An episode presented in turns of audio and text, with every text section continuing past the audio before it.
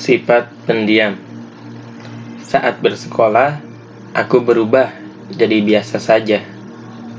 Indikasinya sebab aku menyeringkan lagi membaca. Secuil kebiasaan masa kecil yang kufokuskan untuk keberhasilan masa depan.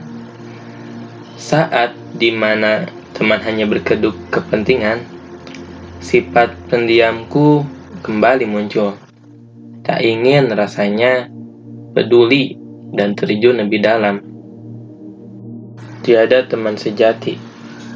Yang ada hanya rasa kesepian yang ingin ditemani.